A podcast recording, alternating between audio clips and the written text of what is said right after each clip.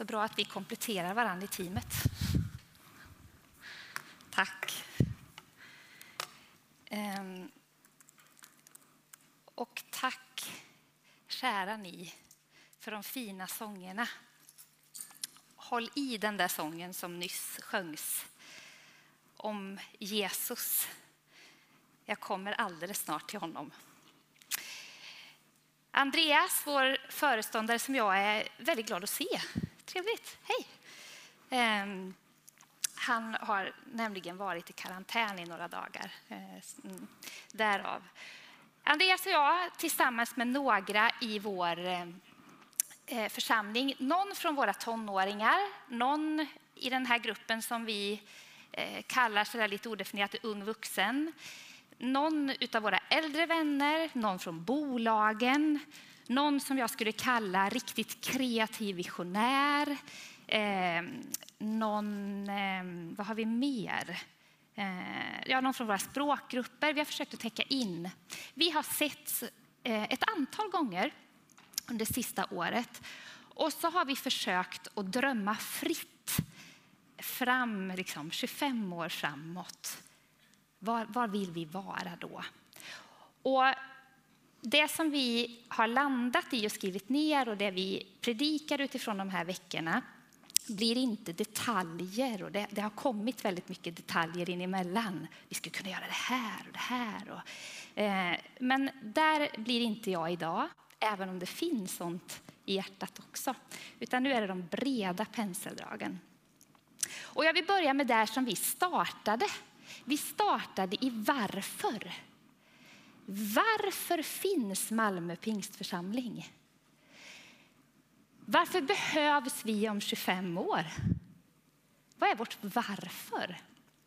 Och så fick vi sitta och prata om det där, lite två och två och tillsammans. Och så ganska så snart så landade vi i, jo, det handlar om Jesus och det handlar om människorna. Vi som har tagit emot Jesus, det är liksom, vi har fört samman, vi är väldigt olika varandra. Eh, bara man tittar sig runt här, vi kommer från olika ställen, vi har olika liksom, möjligheter. Någon bor ensam, någon har stor släkt, vi, eh, någon eh, har inget arbete, någon har arbete upp över öronen. Vi har, alltså, det är så mycket, vi är så spridda. Och ändå så kan jag titta ut här och se att det här är mina syskon. Vi har något ihop. Och vi är en del av det som man kallar för Kristi kropp. Det beskrivs så i Bibeln. Vi är Jesu händer, fötter, ögon, öron i den här tiden. Det är för stort för att greppa. Andreas Nielsen han är ledare för Hillsong och jag konstaterar i veckan, jag tänker att han och jag är extremt olika och ändå har vi tre rätt så rejäla grejer gemensamt. Eh, det allra första är att vi är västgötar båda två. Eh, han är från Tidaholm och jag är från Falköping. Eh, och jag hoppas att det är så att det hörs mer på honom än på mig, men jag är rädd att det är ungefär lika. Eh, vi är pastorer båda två och det tredje är att eh, jag ska säga att det här är ett fint ord idag. Det var inte det när jag, liksom, men idag är det ordet nörd är för mig någonting fint. Jag är församlingsnörd och det är han också. Och han talade på pingstpastorveckan, i veckan. Den var digital och så sa han några saker. Jag har aldrig citerat honom förut, men nu, jag och jag tycker, jag tycker att eh, han har bra saker att säga, det var inte så jag menade. Eh, men jag tyckte att han sa några riktigt bra grejer. Han sa så här. Eh, kyrka, det är inte något vi tittar på, utan det är Kristi kropp. Och med det menar jag nu givetvis inte att du som finns med där hemifrån Eh, att det är någonting som skaver. Så här ser det ut just nu. Men det finns en risk att vi i de här tiderna konsumerar. Vi tittar på, vi kollar in olika, vi jämför. Det är jättesvårt att vara med i lovsången där hemifrån, jag vet. Men jag tyckte att den var viktig. Gud han är närvarande genom sin kyrka. Vi behöver mötas. Vi behöver hjälpa varann, rikta varann. Och den lokala församlingen, alltså Malmö pingstförsamlingen, pingstförsamling, vi är himlens plan för att etablera Guds rike på jorden. Läs Efesierbrevet 3. Jag kommer tillbaka till några verser därifrån sen. Ni vet, jag som jobbar som pastor här, på en vecka så kan jag konstatera att människor vänder sig till vår kyrka för att fira gudstjänst och bli stärkta i sin tro. Det är därför vi är här idag. Man vänder sig också till oss för att få mat och kläder för dagen. En kvinna vände sig till mig så att vi hittade en tid igår att mötas. Alltså, hjärtat går sönder över hur människor har det idag. Och så får vi finnas. Och kanske ibland så tycker vi att, eller många gånger, vi räcker inte till. Men jag kände ändå att Gud var där. Och också så påtagligt att precis rätt människa hörde av sig till mig mitt under samtalet. En chef här i stan som kunde ge mig tips och råd vad jag skulle ge den här kvinnan för råd. Och det var helt magiskt att hon hörde av sig mitt under samtalet. Det var så att både hon och jag, jag vet inte, jag bara kände att det var så märkligt. Gud är verksam mitt i vår kyrka. Människor vänder sig till oss för att man vill vara en del av vår barn och ungdomsverksamhet. Man behöver gemenskap. Man vill vara med här för man vill göra något gott för andra. Själavård och för att hitta Gud. Vad skulle hända om vi inte fanns?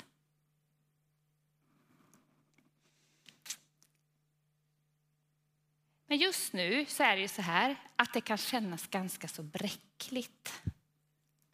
Vet, ja, mitt hjärta kan ju, alltså, det brister här inne ibland. Det gör ont eh, när jag tänker på våra barn och våra ungdomar. När jag tänker på hur det var när jag var ung. Allt som fanns då. Allt liksom liv som var. Ah, hur ska det gå? Den har jag inte sett på länge. Och hur går det för den? Och vår volontärskraft är kraftigt reducerad. Föräldrar jag inte har sett på länge och där jag kan känna, börjar det bli att man tittar på kyrka istället för att vara kyrka? Jag vet inte. Och då när vi kan känna så där. Å ena sidan så är det vi är och har himlens plan för Guds rike på jorden. Å andra sidan så kan jag uppleva det, och mig själv, väldigt bräckligt ibland. Och då tänker jag att som pastor är det min plikt och min stora glädje faktiskt att få lyfta blicken. Eh, och jag tar hjälp av Jesaja. Jesaja han var profet ja, 700 år före Kristus ungefär. Han såg syner. Eh, Israels folk var deporterat till Babylon. Eh, han beskriver i de första 40, nästan 40 kapitlerna eh, så talar han dom över Israels folk. För de har vänt sig från honom. De har till och med gjort sig andra gudar. De sitter i fångenskap. Men sen från kapitel 40 så vänder det. Och så börjar Jesaja profetera hopp och tröst. Och kapitel 44 där talar han om nästa generation. Och nu var detta till Israels folk och jag kommer utgå från det en liten stund. Men i och med Jesus så har vi del i löftena. Så därför så är det här även till oss och vår tid. Så här står det eh, från Jesaja 44. Och jag tänker att vi står upp så får vi lite syre och så koncentrerar vi oss. Det är, några, det är sex verser. Det står så här. Lyssna nu Jakob min tjänare, Israel som jag har utvalt. Så säger Herren, din skapare, han som formade dig i moderlivet, han som hjälper dig. Var inte rädd min tjänare Jakob, Jeshurun som jag har utvalt. För jag ska gjuta vatten över törstande mark. Floder av vatten över torrt land. Jag ska utgjuta min ande över dina barn. Min välsignelse över dina ättlingar. De ska skjuta upp som grönskande popplar, som pilträd vid vattenströmmar. En ska säga att han tillhör Herren. En ska bära Jakobs namn. En ska skriva att han är Herrens och hedras med namnet Israel. Så säger Herren, Israels konung, han som friköper dem, Herren Sebaot. Jag är den förste, jag är den siste. Det finns ingen annan Gud än jag. Herre, tack för att detta är ditt ord.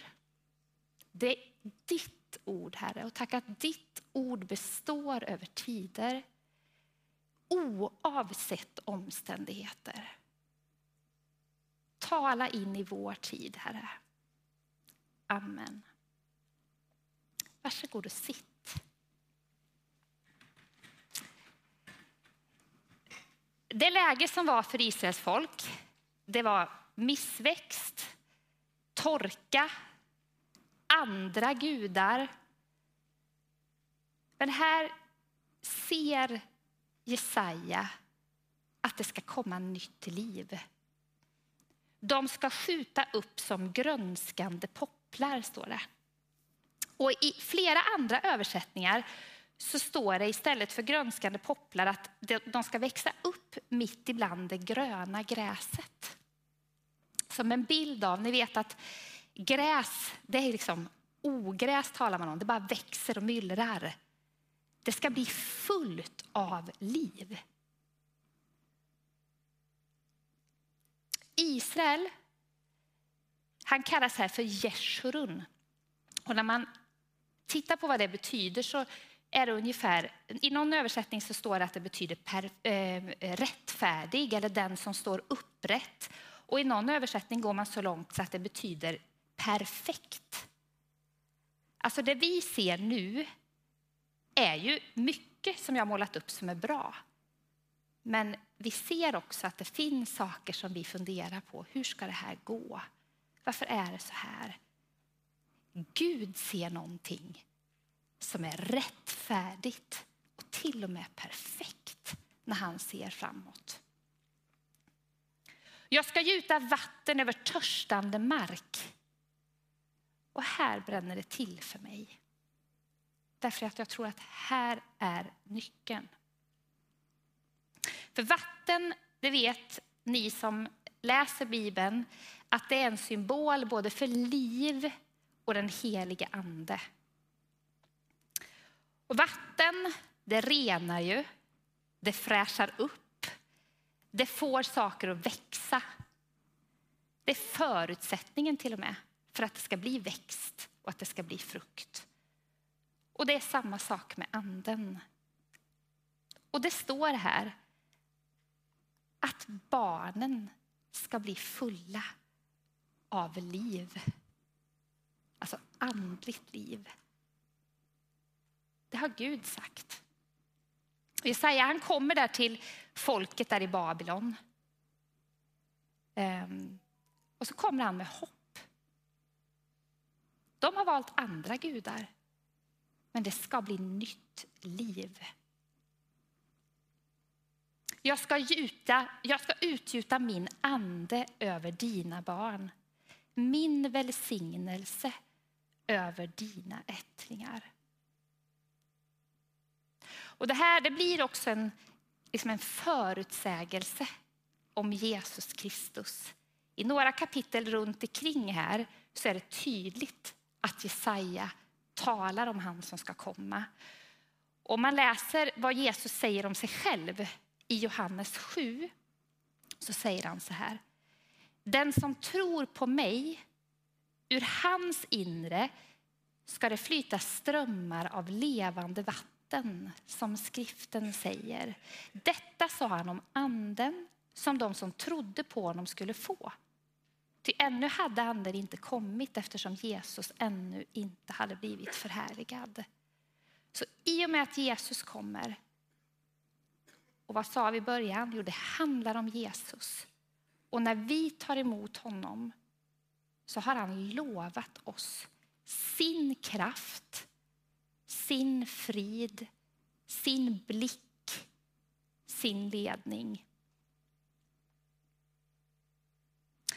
Och Gud, han är närvarande genom sin kyrka och många av oss har mött det många gånger. Att det är i mötet av varann, i att vi lyssnar på någon av sångerna, att vi bara står och pratar lite med varann, vi får be tillsammans, eh, så händer någonting i vår tro.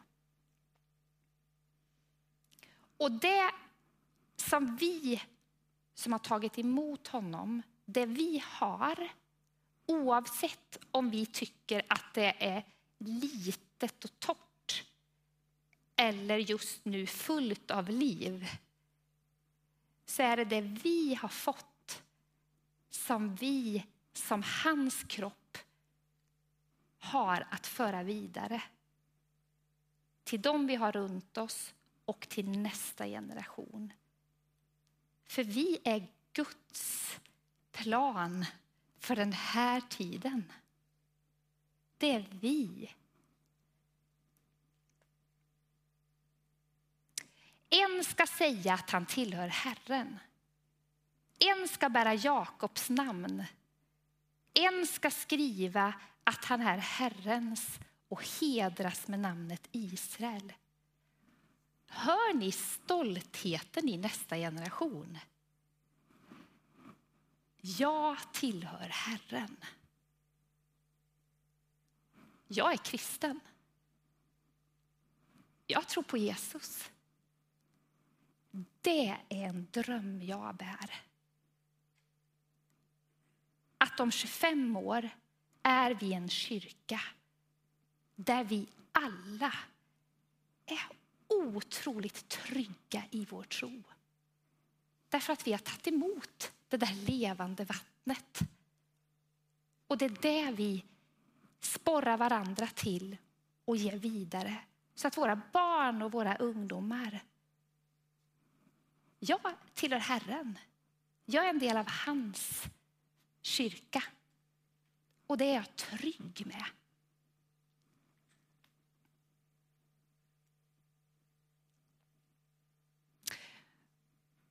Och jag drömmer om att varenda kroppsdel, alla åldrar, alla generationer, att vi i våra liv söker honom för varje dag. I bibel, i bön, i att fira gudstjänst.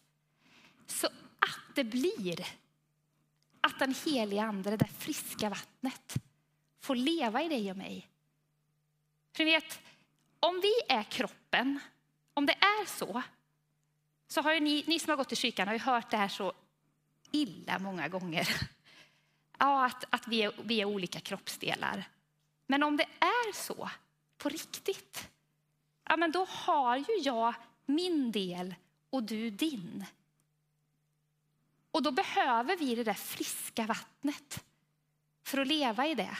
Precis som den yttre kroppen behöver tvätt tvättas och håret behöver, för annars så blir det liksom inte fräscht. Och det vet vi som har hår, att det går rätt så fort. Från att det är fräscht och nytvättat till att det blir kletigt och rätt så. Och hela looken blir något helt annat. Ni kvinnor, ni nickar. Ja, men är ni med?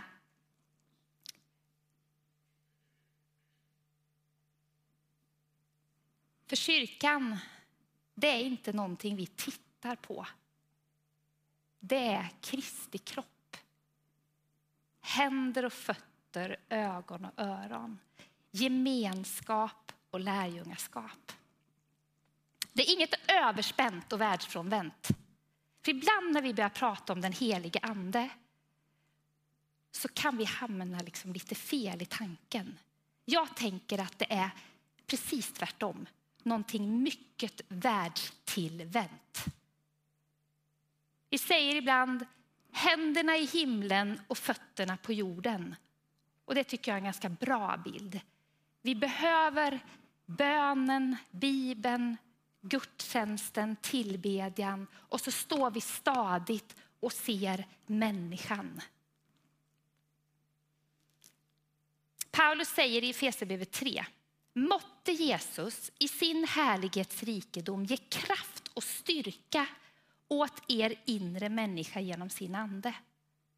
Så att Kristus genom tron kan bo i era hjärtan med kärlek. Stå fasta, var stadigt rotade i honom. Han som verkar i oss med sin kraft förmår göra långt mer än vi kan begära eller tänka. Hans är härligheten genom kyrkan och genom Jesus Kristus i alla släktled i evigheters evighet. Amen. Alla släktled. En församling för alla generationer. Det är någonting som när, sen jag, de här snart fem åren jag har varit här så är det det jag har. Det kanske har med mig att göra, men jag tycker att det är det jag har hört flest gånger sägas och med stolthet att vi vill vara en kyrka för alla generationer. Det är någonting som vi är stolta över och som vi sätter högt. Så jag har valt ut bara tre stycken, eh, tre stycken som vi har skrivit som jag tycker hör ihop, som jag bara läser nu som en del av eh, förkunnelsen. Vi har skrivit så här, att vi drömmer om att om 25 år så, har vi, så är vi en stor barn och ungdomsverksamhet som betjänar både vår församling och vår stad. Vårt huvudfokus är att bygga en tro på Jesus som håller livet ut. Verksamheten genomsyras av goda relationer, delaktighet och engagemang. Vi är en församling för fyra generationer. Vi tar vara på erfarenhet och drivkraft hos både unga och äldre och de som gått före i tron hjälper dem som är nya på trons väg. Och vi är kreativa i arbetet med att nå ut med evangeliet. Det är viktigt för oss att hjälpa människor att hitta sitt sätt att föra tron vidare till andra. Och när jag läser den här framtidsbilden, då andas det något som är andligt stabilt. Det är levande, det föder engagemang och det är utåtriktat. Och gudstjänsterna har vi skrivit om att de präglas av glädje och hopp och, och att vi är öppna för en helig ande. Det drömmer vi om att det ska bli mer av det. Och då har jag en lite utmanande fråga till oss. Då. Hur lever vi nu? För att vi ska vara där då. Därför att det händer ju inte. Om vi inte vill vara en del av resan. För hur behöver vi leva för att om 25 år att vi ska ha en levande barn och ungdomsverksamhet. För jag har lagt grunden. Gud vill det. Han ser potentialen.